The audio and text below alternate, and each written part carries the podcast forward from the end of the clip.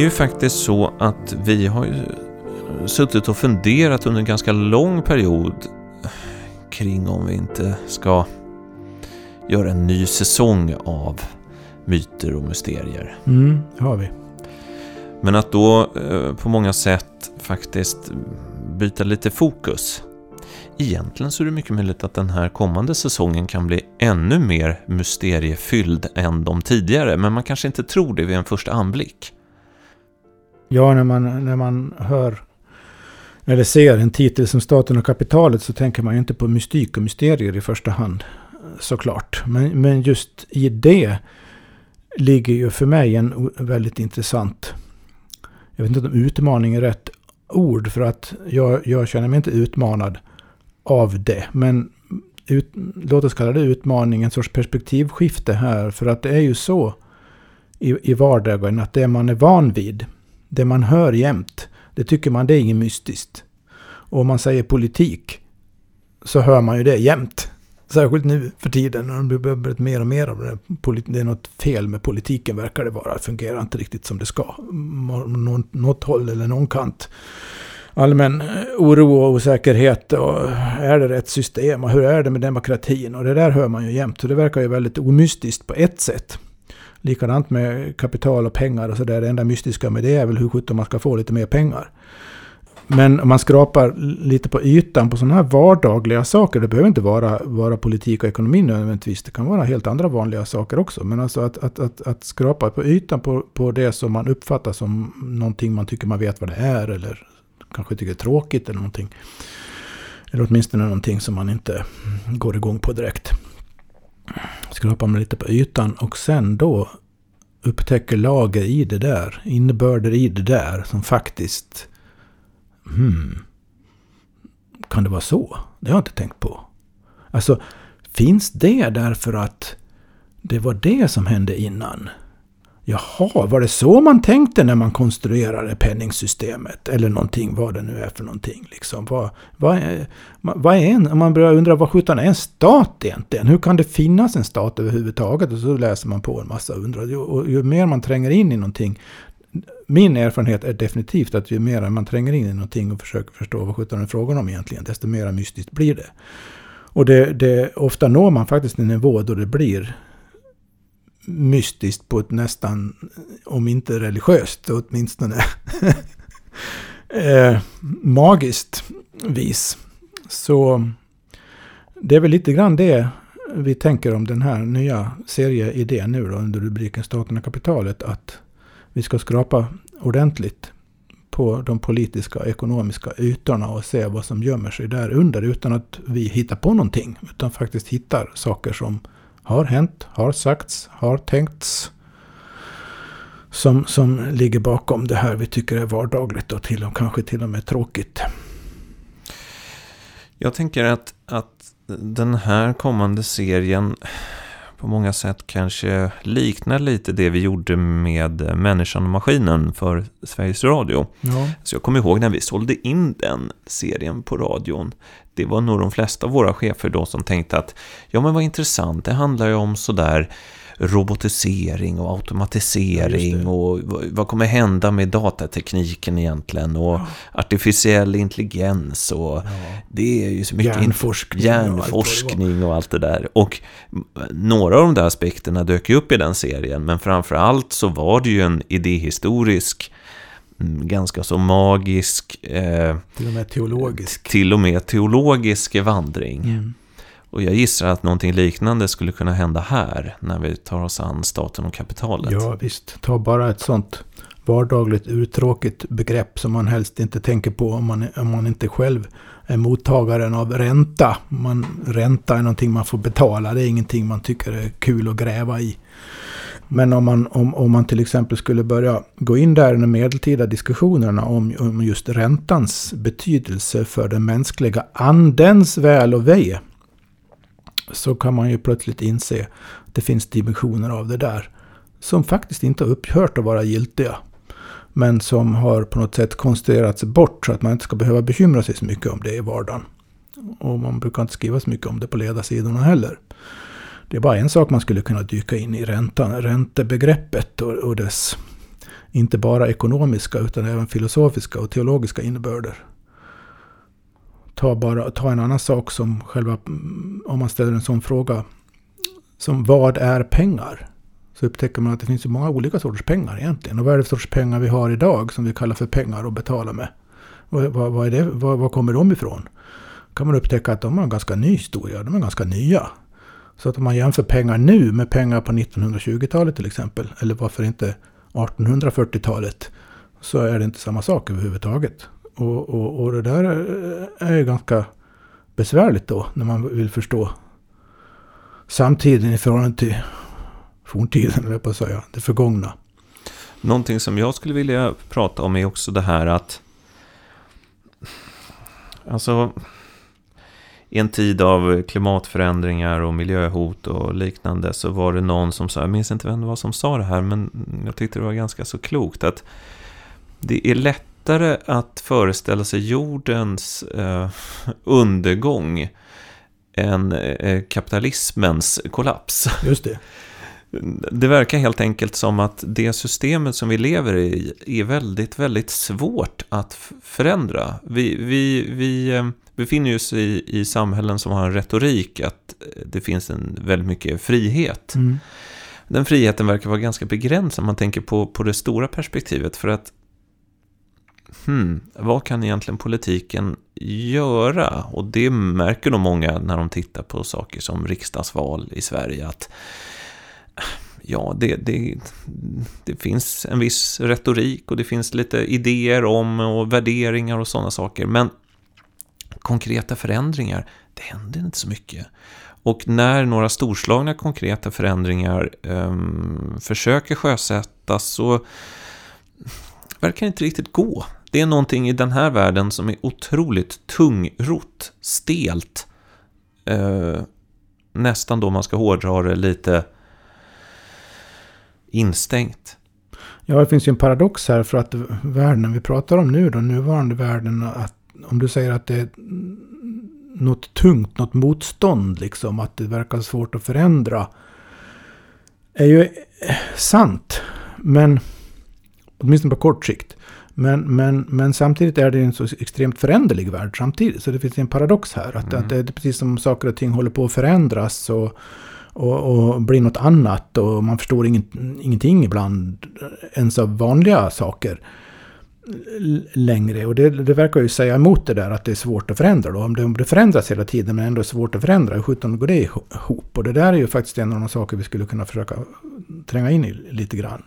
För, för att det, det, det, det är ju klart intressant. Jag kommer också att tänka på en annan när jag var, jag var på humanekologen i Lund så hade jag inte minst undervisningsmässigt anledning att hålla på rätt mycket med frågor som hade med eh, ekonomi att göra. Hur ekonomiska system fungerar i olika kulturer och i olika historiska skeden. Och inte minst vår nuvarande och dess effekter och konsekvenser. Och inom humanekologin då så behandlar man ju inte ekonomi som något sorts självständigt ämne. Utan man relaterar det till den, den faktiska ekologin. Som vi alla är delar av i varje andetag. Och, och då, då kan man in, eh, upptäcka eh, sådana saker som att vad är, hur fungerar en ekonomi? Hur fungerar eh, en modern ekonomi? Fungerar på det sättet. Egentligen alla ekonomier fungerar på ett sätt så att man, man utvinner, i moderna termer skulle man säga så här, man utvinner råvaror förädlar dem på något sätt till produkter som sen säljs i modern kontext på en marknad. Då. Och det är på något sätt efterfrågan på marknaden som styr hur mycket som ska produceras och därmed hur mycket råvaror som behövs. Och det där, eh, när, de, när, råvar, när det här då produkterna har konsumerats så blir de skräp, det mesta. Och då måste man göra av det någonstans. Och en del av det där skräpet kan man göra nya råvaror av. Så man får någon sorts pseudokretslopp där. Man kan ta vara på glas och metall och lite annat plast. En del. Och, och så göra ny, nytt av liknande eller samma material av det. Men det går ju åt energi hela tiden av det där. Så att det sker ju någon sorts degradering av materien samtidigt. Eh, men i alla fall så får det någon, får det någon sorts gigantisk process. Nästan, ja faktiskt en bokstavlig ämnesomsättningsprocess som pågår i ekonomin. Som är analog med ämnesomsättningsprocessen i, i kroppen. Liksom man, man äter någonting, man stoppar in någonting i fabriken och så kommer det ut, ut någonting. Liksom, ener, när vi äter så blir vi liksom pigga och kan göra någonting. Fabrikerna kommer ut produkter då liksom. Och sen, sen när, när, vi, det vi inte kan använda, då får vi gå på toa och göra oss av med resten liksom. Och så, vårt ekonomiska system gör sig också av med skiten på samma sätt. Bara det att vi, eh, vårt ekonomiska system, vår produktionskonsumtionsekonomi producerar en massa skit som inte bryts ner lika lätt som vanlig skit. Nej, så den ackumuleras Det är svårt liksom, att bygga det här enorma Där den inte borde, plast i haven och ja, massa exakt. konstiga kemiska föreningar och tungmetaller och gud vet vad. Allt som sprids och blandas med, med allting. Och, och det här ger upphov till förgiftning, det ger upphov till miljöförstöring, det ger upphov till sjukdomar, det ger upphov till allt möjligt som man inte vet hur man ska göra med. Förutom allt annat som är välkänt vid det här laget som klimatförändringar och, och, och förstöring av biotoper och för att man kommer åt råvaror och så vidare. Eller producera, producera sånt som går att sälja på något sätt. Hela det där, allt det där hänger ihop i någon sorts system som fungerar på väldigt tydliga premisser. Och det där kan man ju analysera då ekonomiskt, man kan analysera det ekologiskt, man kan analysera det rent fysikaliskt, termodynamiskt, man kan analysera det på alla möjliga naturvetenskapliga vis. Man kan också, och samhällsvetenskapliga vis. Men i grund och botten kan man också ställa en sån här fråga som gör det hela plötsligt inte så himla lättbegripligt och mera mystiskt på en gång. Nämligen att fråga sig så här. Vad driver det här systemet, nuvarande systemet då, av ämnesomsättning med dessa hotande katastrofala konsekvenser? Vad är det egentligen som driver det? Och då skulle, frågar man en vanlig ekonom så att säga så har de sina svar. Jag tror många lyssnare vet vilka de svaren är. Frågar man en, en, en ekolog så kommer de att säga att ja, det har mer eller mindre med energiomsättning att göra och så vidare. Eller fysiker skulle också säga så. Men det är ju vem är aktören? Jo, det är ju vi allihopa är ju aktörerna i det här. Och vad är det som driver oss då? Vilka strävanden är det som driver? Mm. Vilka rädslor är det som driver? Mm. Vilka förhoppningar är det som driver? Mm. Börjar man tänka på det i sådana termer, vilket man måste göra, för man hamnar ju där. Jag menar varenda spekulant på börsen vet ju att börsen följer inga rationella Nej. ekonomiska vanliga kriterier. Utan det är, det är mest psykologi. Och likadant är det, är det liksom, varför köper jag det här överhuvudtaget? Varför åker jag till Thailand en gång om året? Varför gör jag detta? Varför? Man kan ställa varför-frågan om allting. Ja. Och så fort man ställer den här varför-frågan så inser man att svaret på den frågan är helt avgörande för att förstå de här till synes objektiva mm. systemen som både skapar och förstör men är inte det den stora utmaningen i moderniteten? Att i den tidigare världen så var ju ett varför, det var ju så kopplat till eh, naturen. Ja. Och eh, det vanliga kretsloppet. Mm. Så att du behövde inte ställa frågan. Det var ju bara en liten, liten, liten klick av befolkningen som behövde ställa ett varför. Verkligen. Um, kanske, uh, ja, den absoluta överklassen helt enkelt. Mm. Som levde i ett överflöd. Och då undrade varför. Och då hittar man på massa avancerade palatsritualer eller danser och eh, baler och maskerader och eh, släktkonflikter eller vad man nu sysslade med. Ja, hela religiösa trossystem som motiverade det hela på något sätt. Ja, det där skulle man ju kunna mm. fråga sig i förhållande till vår värld idag då också då. Hur ekonomi och politik fungerar. Mm. Vad är motsvarigheten till de här heliga ritualerna i det? Jo, men... Vad är det som upprätthåller ja. illusionen av att det är något meningsfullt man håller på med? Om ja. det nu är en illusion eller inte. Men det är intressant att de gamla... Om, om man säger att den moderna världen, den kapitalistiska världen, den konsumistiska världen är som en religion med sina riter, mm. så är det ju faktiskt en, en rit där man inte behöver tvinga folk att utföra dem. Det har alltid funnits Ja, det är klart det är att det frågan finns... förstås. Ja, precis. Men den, det tvånget utövas på ett mycket mer subtilt det är sant. sätt. Det gör det. Jag menar, det vet man ju alltid att um, Såklart har det funnits fromma, troende människor som helhjärtat går in i ett religiöst tänkande. Det har funnits i alla tider. Men det har också funnits saker som kyrkoplikt i Sverige. Att man tvingas till kyrkan. Men när det gäller konsumtionen så verkar de flesta syssla med det. Det paradoxala med frihet är ju att man kan ju inbilla, om man lyckas inbilla människor mm. att de är fria utan att de egentligen är det. Ja. Det är mycket starkare. Så är det mycket starkare än om man fysiskt tvingar dem till ja, saker. Det är mycket svårare att göra uppror också. Ja, eller protestera. eftersom det bygger på att man egentligen inte förstår vad man är utsatt för. Man är lurad helt enkelt. Och jag tror att, att vi i den här moderna, hypermoderna världen vi lever i nu så är vi lite i gemen. I hög grad oerhört lurade. Bokstavligen lurade. På ett sätt som inbegriper att vi mer eller mindre godvilligt och inte särskilt medvetet hjälper till att lura oss själva också hela tiden. Och det där kan ju vara intressant att gräva i såklart. För det, det, det har, har, att göra med vad som möjliggör upprätthållandet av de här systemfunktionerna som verkar vara i stor utsträckning destruktiva nu för tiden. Mm. Och där skulle det vara intressant att undersöka vem är det som lurar oss? Ja. Hur är vi lurade? Varför är vi lurade? Och hur ska man kunna sluta vara lurad? För här så söker jag också, det är mycket möjligt att vi kommer in på det, att vi blir så konkreta. Eh, en typ av ny politisk väg. Ja. Det tror jag att vi faktiskt skulle kunna prata om. För att det, det är ju väldigt viktigt att poängtera, särskilt när vi har en titel på hela serien som är Staten och kapitalet som är ju en gammal punklåt, eller progglåt, det var ju Blå Tåget som kommer den först. Mm. Och sen gjorde Ebba Grön den. Så att då... Eh, man får inte missta det här projektet som någon typ av eh, vänsterkritik av kapitalismen av vanligt snitt. Nej. Det är inte heller ett, inte. Eh, ett försvar av kapitalismen. Det är att vi faktiskt försöker ställa oss helt utanför den gängse politiska skara, eh, skalan för att hitta någonting nytt? Ja, det är väl den förutsatsen vi har målat upp för oss här. Det är att det, det finns ju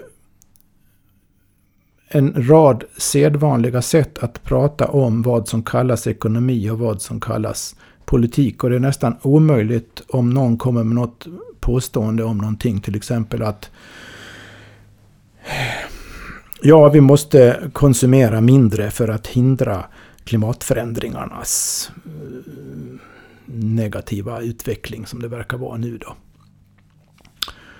Ja, bara att, att, att, formulera problemet på det sättet har ju, har ju liksom ringat in hela diskussionens möjligheter från början. För man tar för givet vad man menar med klimatförändringar. Man tar för givet, och deras orsaker. Man tar för givet vad man menar med konsumtion. Man, alltså man, man tycker att man på något sätt vet vad man pratar om. Och, och det, likadant om man säger att jo, nu skulle behövas en ny politik. Ja, då, då, är det, då är det praktiskt omöjligt att inte börja relatera det till, till, till Liberalerna eller Moderaterna eller Vänsterpartiet eller riksdagen eller, eller varför det tog så lång tid att bilda regering i höstas. Och, och, och skulle det inte behöva något annat parti? Men det här initiativet, vad sjutton var det för någonting? Det hörde jag talas om, men, men, men det blev tydligen ingenting. Eller finns det fortfarande? Ja, men vad, vad, vad ville de? Ja, och så är man inne i någon sorts Eh, rum. Pratrum där man verkar som om man vet vad man pratar om och, och, alla kan känna sig lite hemma. Och man kan tycka väldigt olika. Man kan bli förbannade på varandra också. Eller hålla med eller vad som helst. Men eh, jag skulle vilja komma bort från alla, då, alla sådana rum överhuvudtaget. Och liksom försöka hålla det på två nivåer samtidigt. En extremt konkret nivå där man bara liksom kan konstatera, ja men detta händer utan att så mycket som möjligt låta bli och tolka det, bara beskriver någonting. Ja men detta händer. Eller detta har hänt. Så vitt man vet så var det så här det gick till. Det är den ena aspekten, så att det är väldigt konkret, liksom påtagligt på det planet. Den andra aspekten som man missar som regel i de här vanliga sätten att prata om saker och ting när man tror att man vet vad alla begrepp, begreppen betyder, även om man inte riktigt vet. Känns vant i alla fall. sättet att komma ifrån det skulle vara att sätta in de här konkreta sakerna i helt andra typer av begreppsapparater, helt andra sätt, tänkesätt. Istället för att tala om klimatförändringarna och deras ekonomiska, ekologiska och konsumtionsmässiga, produktionsmässiga, koldioxidutsläppande etc. termer. Istället för att prata om det där termerna, tänk om man skulle prata om det i metafysiska termer. Eller i teologiska termer. Mm. Eller i magiska termer. Eller i varför inte bara reflekterande filosofiska termer så tror jag att man skulle på något sätt befria sitt eget sinne från de invanda hjulspåren utan att lämna ämnet. Mm. Man skulle fortfarande vara kvar i samma ämne men man skulle kunna få en möjlighet att tänka på det på ett annat sätt. Jag tror att den sortens rent tankemässig på något sätt steg åt sidan liksom. Mm. Kan Men, vara intressant att utforska. Om man bara gläntar på en sån dörr där för att ge något exempel. Mm. Jag tänker på det här med ränta som du sa. Det har man ju ofta skrattat åt att den där katolska kyrkan var emot ränta. Eh, det var de ju. Det ansågs ju vara ocker. Ja, ja. Så du fick liksom inte trogna, troende kristna eh, syssla med mm. Eh, egentligen. Och i en stor del av den muslimska världen finns ju det kvar än mm. idag. Mm. Och det har man ju sett som någonting antimodernt eller icke-modernt eller framförallt förlegat. Men det vore intressant att tänka, vilka var argumenten för att det här med ränta faktiskt var dumt? Och finns det någonting vi kan lära oss av de argumenten idag? Tänk om de inte var helt fel ute. Tänk om det fanns någon liten mm, mm. orsak till att man var så emot den här räntan ändå. Och tänk om det ligger på det här metafysiska planet som du talar om då. Just. Mm. Men du skulle kunna säga någonting kort där. Ja, det, om man daterar det där. När började den katolska kyrkan att luckra upp internt, alltså luckra upp sin inställning, negativa inställning till ränta, teologiskt sett. När skedde det? Då kan man konstatera att det, det började på allvar under renässansen. Under inflytande av eh, av eh, nya tänkesätt som kom då. Ny, alltså en, en, nya filosofiska tänkesätt som vi har pratat om i andra program i Människan och Maskinen-serien. Alltså.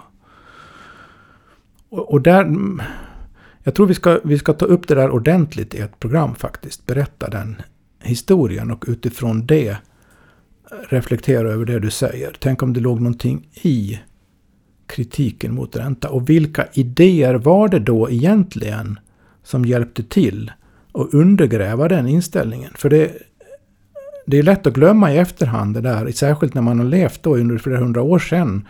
Ett system, ett, ett system där räntan är en helt, helt väsentlig del av hur ekonomin fungerar. Oavsett hur det konstrueras i detalj. Så är det liksom svårt att tänka sig, men 17 kunde man... Hur var det innan då liksom? En sån process sker ju inte över en natt. Om man, om man har en, en, en, en hel institutionell värld som är helt övertygad om, om, om att någonting är på ett visst vis. Hur vänder man en sån skuta till att vara åtminstone halvt övertygad om att jo, men det skulle åtminstone ibland kunna vara på något annat vis. Det krävs ju argument. va? Det är liksom högintelligenta, högintellektuella saker det handlar om här. Någon måste övertalas och det här tar tid. Det kanske tar några generationer och det gjorde det och, och liksom vända det här sättet att resonera. Och hur sånt går till är, är väldigt lärorikt för oss idag också. För det, det är en sak vi behöver förstå nu när det känns som allting är bråttom. Vi måste få slut på...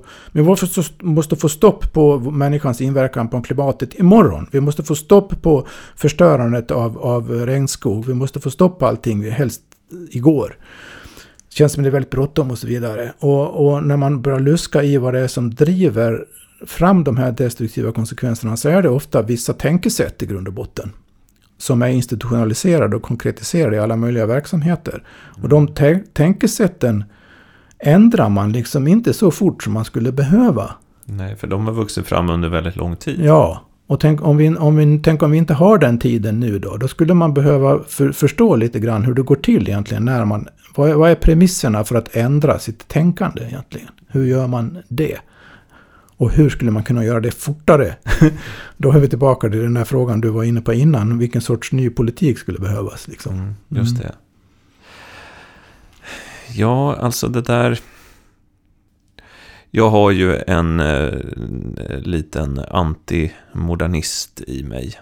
Eh, vilket vissa har listat ut. De har lyssnat noggrant på mig eh, under åren. Eh, det här förväxlas ofta med eh, konservatism. Jag Mm. menar att det inte alls har med det att göra. Mm.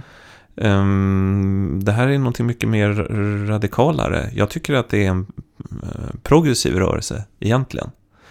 Det, det handlar helt enkelt om att eh, göra upp med en typ av mänsklig omättlighet. Mm. Alltså, om, om, jag ser det som en av de här närmast metafysiska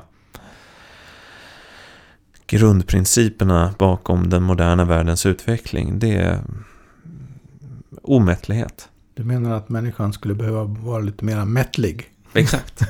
Det, det tror jag är det en... Ja. Man skulle vara mer nöjd? Mm, Ja, jag tror det. Ja, jag har Eh, ställt mig den frågan också mm. ibland. Jag... ehm, det här blir ju lätt romantiskt, till och med sentimentalt kan det verka. Det kan också verka bakåtsträvande, men jag menar ju att den här längtan då inte är det. Utan jag tror ju att eh, innerst inne så är vi ganska nöjda. Det finns någon subtil skillnad mellan oss här. Ja, vet, eh, hur jo. subtil den är får vi kanske nej, utforska. Ja, det får vi men, utforska. Men, men, men, jag, skulle ju, jag ser ju någon sorts risk i nöjdheten. Ja. Jo, men du, ja. Men, eh, ja. Och mättlig, alltså det är något i det, det finns något... Jag är inte helt säker på att omättligheten nödvändigtvis är ett problem. Om man ställer frågan, ja, alltså den kan lätt bli ett problem och det är lätt att peka på hur den blir ett problem. Eh, men för mig uppstår frågan, eftersom det här faktiskt har med ekonomi och politik att göra, just den här mättlighet, omättlighet.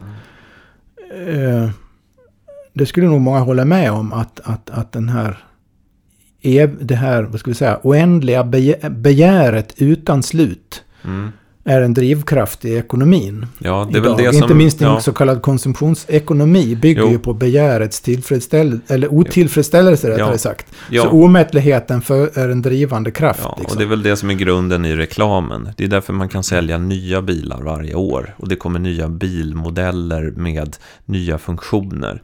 Och det här ska ju då trigga vår omättlighet. Men vad det grund, grundläggande behovet i en bil är ju att förflytta sig. Men om, håll, håll fast vid begäret här. Mm. Alltså om man, man skulle ju lätt kunna tro då att det är själva begäret efter mer eller någonting som är problemet. Så man, därför borde man vara mer nöjd då. Mm. Och jag är inte så säker på att det där... Det där skulle jag vilja att vi utforskade. Eh, jag är inte så säker på att, att man tänker... Det är lätt att missa en poäng där, tror jag, som är ungefär så här att... Jag frågar mig... Hur kommer det sig att vi överhuvudtaget har begär av det här slaget? För att Ja, det är begär Det är efter någonting mer än Ja. mat för dagen. Ja. Det är begär efter någonting mer än att ha pålitliga vänner. Det är begär efter mer än ha tak över huvudet och så vidare. Det, det, Mm. det finns... Vad, vad, vad är omättligheten Ja, i sammanhanget? okej. Var kommer den Ja. ifrån Ja. egentligen? Ja, det här håller jag med om på en subtil nivå. Mm. D- Jag kanske då skulle uttrycka så att begäret i konsumismen är missriktat. Det grundläggande begäret är en typ av eh, metamorfos, transcendens, överskridande av det som man tror är ens gränser. Alltså ett begär att kunna nå mer. Om man skulle försöka översätta det där till konkreta termer och försöka tänka sig hur det där skulle kunna fungera ekonomiskt, politiskt utan Mm. att ge upphov till de här Mm. konsekvenserna vi... Finns det några historiska exempel på det här eller insikter eller hur kan man tänka? För att alltså mycket av det som torgförs som motmedel nu i konsum konsumismens tidevarv är någon sorts asketism. Mm. Och en viss sorts asketism kan ju vara motiverad. Mm. Men asketismen kan också vara en... Att lägga sordin på någonting. Ja, du menar att asketismen kommer i, i längden inte fungera för att den då underminera någonting som är det genuint mänskliga. Ja, jag, som då jag är rädd för att den dödar någonting ja, i människan Precis, och det som kanske konsumismen har perverterat men som ändå är reellt och finns Och på ett sätt finnas. Mm. tillfredsställs, fast som du säger, kanske missri- eller inte bara kanske, utan ofta missriktat. Ja. Men kanske inte nödvändigtvis alltid missriktat Mm. heller. Nej, inte liksom. alltid. Nej men okej, vi, vi tar det här som ett exempel. Ehm, det brukar ju ofta sägas as- att om det är evolutionsbiologerna eller om det är biologerna eller om det är snarare debattörerna som har den här mm, modellen när de beskriver mänsklig utveckling. Men lite enkelt är den så här att livet är en typ av kamp för överlevnad och man ska reproducera sig och ha mat för dagen. Men någon gång i civilisationens utvecklingsfaser så sker, så får vi ett överskott. Och det överskottet leder till en massa grejer, som allt från pyramider till kinesiska muren till eh, iPhones och internet och eh, poddar och radiomikrofoner.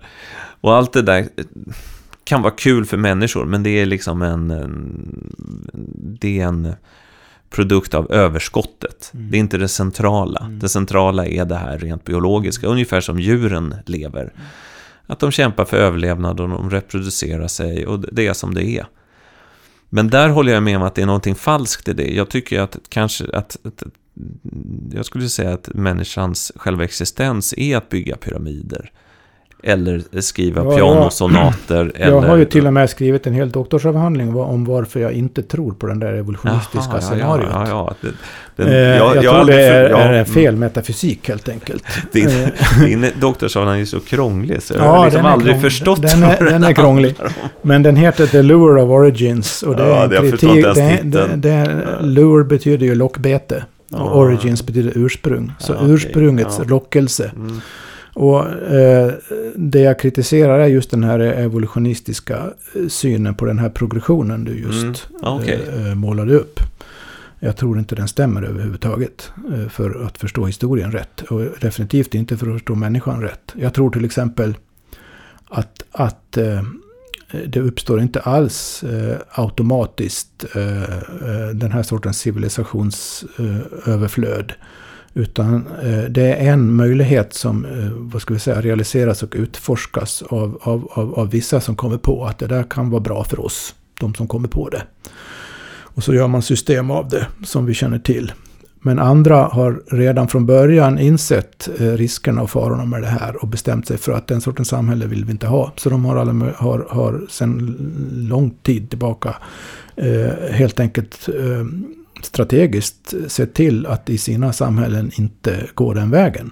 Och de har, har då har då de liksom civilisatoriska, de här eh, ackumulationssamhällena, om vi kallar dem för det, har, som vi hör ju till då, och vi moderna hör ju till dem då.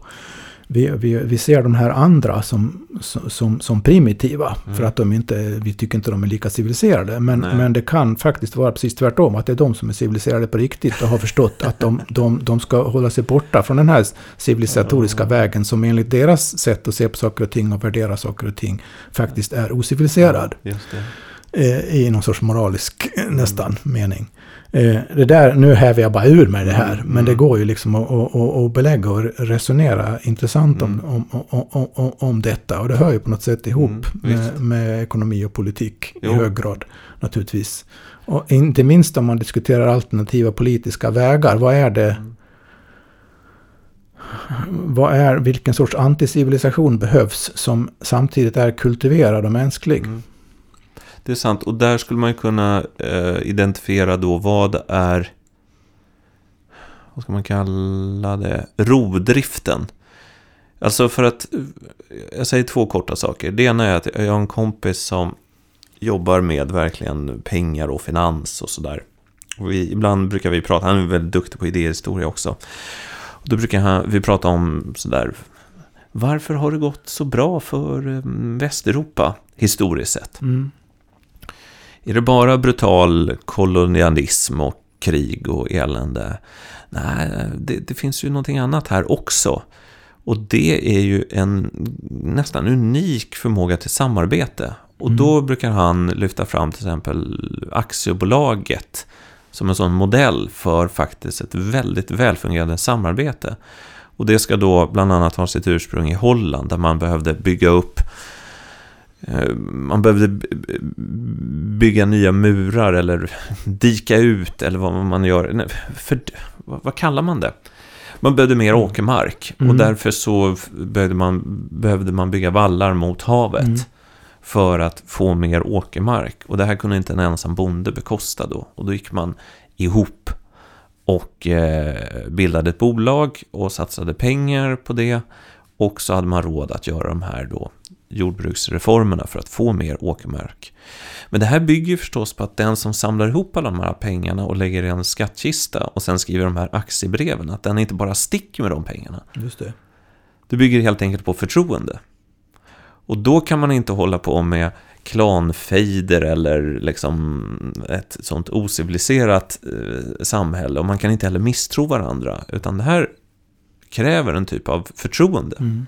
Och det finns ju i grunden av den här kapitalistiska världen. Ett sätt att gå bortom, vad ska man säga, sånt som ofta begränsar det mänskliga. Mm. Mm, och hitta en samarbetsform som är välfungerande. Och det här har ju visat sig otroligt effektivt då. Väldigt, väldigt välfungerande. Men i det här finns ju också en typ av rovdrift som vi ser. Mm. Eh, och det kanske handlar om natursyn, eller jag vet inte. det Nej, är det här någonting med- som också går fel. Ja.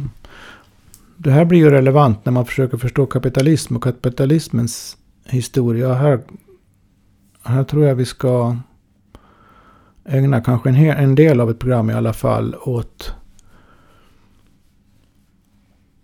en, en liten historiegenomgång som går ut på att det gäller inte att dra alla kapitalismer över samma kam här. För att den typ av eh, kapitalism som folk blir rika på nu för tiden är inte samma kapitalism som folk blev rika på på 1800-talet. Så när Marx kritiserar kapitalet på 1800-talet så är det ett annan typ av kapital det är frågan om. Med andra verkningar och potentialer så att säga än eh, vad kapital betyder idag. Och den sortens historiemedvetenhet behöver man nog ha så man inte blandar ihop saker och ting. Inte minst om man vill, om man vill förändra saker och tänka i andra termer och hitta andra vägar så måste man ha sådana skillnader klart för sig. Därför finns det inte heller, om man tänker liksom någon kritik mot kapitalism, måste man också bestämma sig i princip för vad man är emot och varför och göra den sortens urskiljningar. Och samma sak gäller ju eh, även olika politiska ideologier som har liksom olika innebörd. Om man tänker anarkism idag, vad skulle det vara anarkism? Det vill säga någon sorts icke-centralstyre, icke-styre. Idag, vad skulle det betyda? Det skulle betyda något väldigt annorlunda anarkism på 1800-talet när, när adels, liksom adelssystemet och jordägarskap och sånt var, var det central, väldigt central ingrediens i ekonomin. Det är det ju inte nu. Så det betyder anarkism något annat. Och, och, så historien och vilket historiskt sammanhang och sånt vid har betydelse. Så rätt mycket historia får vi ha med i det här också. Ja, de, Ja. den som har lyssnat så här långt har fått sig till livs en Ja. jäkla röra av alla Ja. möjliga Jo, idéer och hugskott och påpekanden Jo. och funderingar. Och, och det är naturligtvis i nuvarande form väldigt rörigt. Men jo, det där ska ungefär- vi sortera ja, upp. precis. hade vi tänkt. Och lite av det här. Ja, jo, men det finns ju... Det finns ju väldigt mycket att utforska. Nej, men bara en sån sak att ingen riktigt vet hur modern eh, ekonomi fungerar. Det är väl ett eh, mysterium om något. Ja. Det verkar vara oöverblickbart på något sätt. Eller så är det någon som vet hur det fungerar. Mm. Jag tror att det går att veta hur det fungerar men det går inte att veta alla konsekvenserna av det. Det, brukar, det är ofta så. Det är som principerna för ett, ett system kan man förstå ganska bra. Ta, fysik, ta fys, fysikens grundprinciper. Natur, så kallade naturlagarna, naturkonstanterna som alla, fysik, alla fysik, fysikteorier bygger på. De, de har man ju liksom klart för sig. Det betyder inte att man kan räkna ut eller förstå alla konsekvenserna av dem, det vill säga världen vi lever i. så, så det... Ja, men samtidigt hjälper ju principförståelsen, grundförståelsen hjälper ju ganska mycket. Så saknar man den så har man inte mycket att hänga någonting på. Mm. Egentligen. Därmed inte sagt att varken du eller jag förstår, förstår allting. Väldigt långt ifrån. Så det blir ett någon sorts utforskande samtal i väldigt hög utsträckning det här naturligtvis. Och eh, ja, vi inleder ju nu en eh, kampanj då för att samla in pengar till det här. Ja. Um, så att eh, du som lyssnar, det är bara att Ja, Har ni gillat vad man än tycker ja. om pengar så är det så ja, att vi ja. precis som ni behöver pengar för, för att kunna lägga tid på saker och ting. Så det är, det är, inte konstigare än nej, så. Det är inte är, så att vi är nej, ute efter att tjäna några nej, pengar här. utan det är något annat som behöver sättas åt sidan och då måste vi köpa mat för något annat så att säga. Så att här, i, i den det är inte så konstigt i, på det normala planet. På, på det sättet är vi ju slavar i systemet. Vi är definitivt slavar i systemet, yes. Ja. Men eh, man kan väl säga sådär att eh, den som har gillat eh, våra tidigare program kommer förhoppningsvis inte bli besviken. Nej, det tror jag faktiskt inte.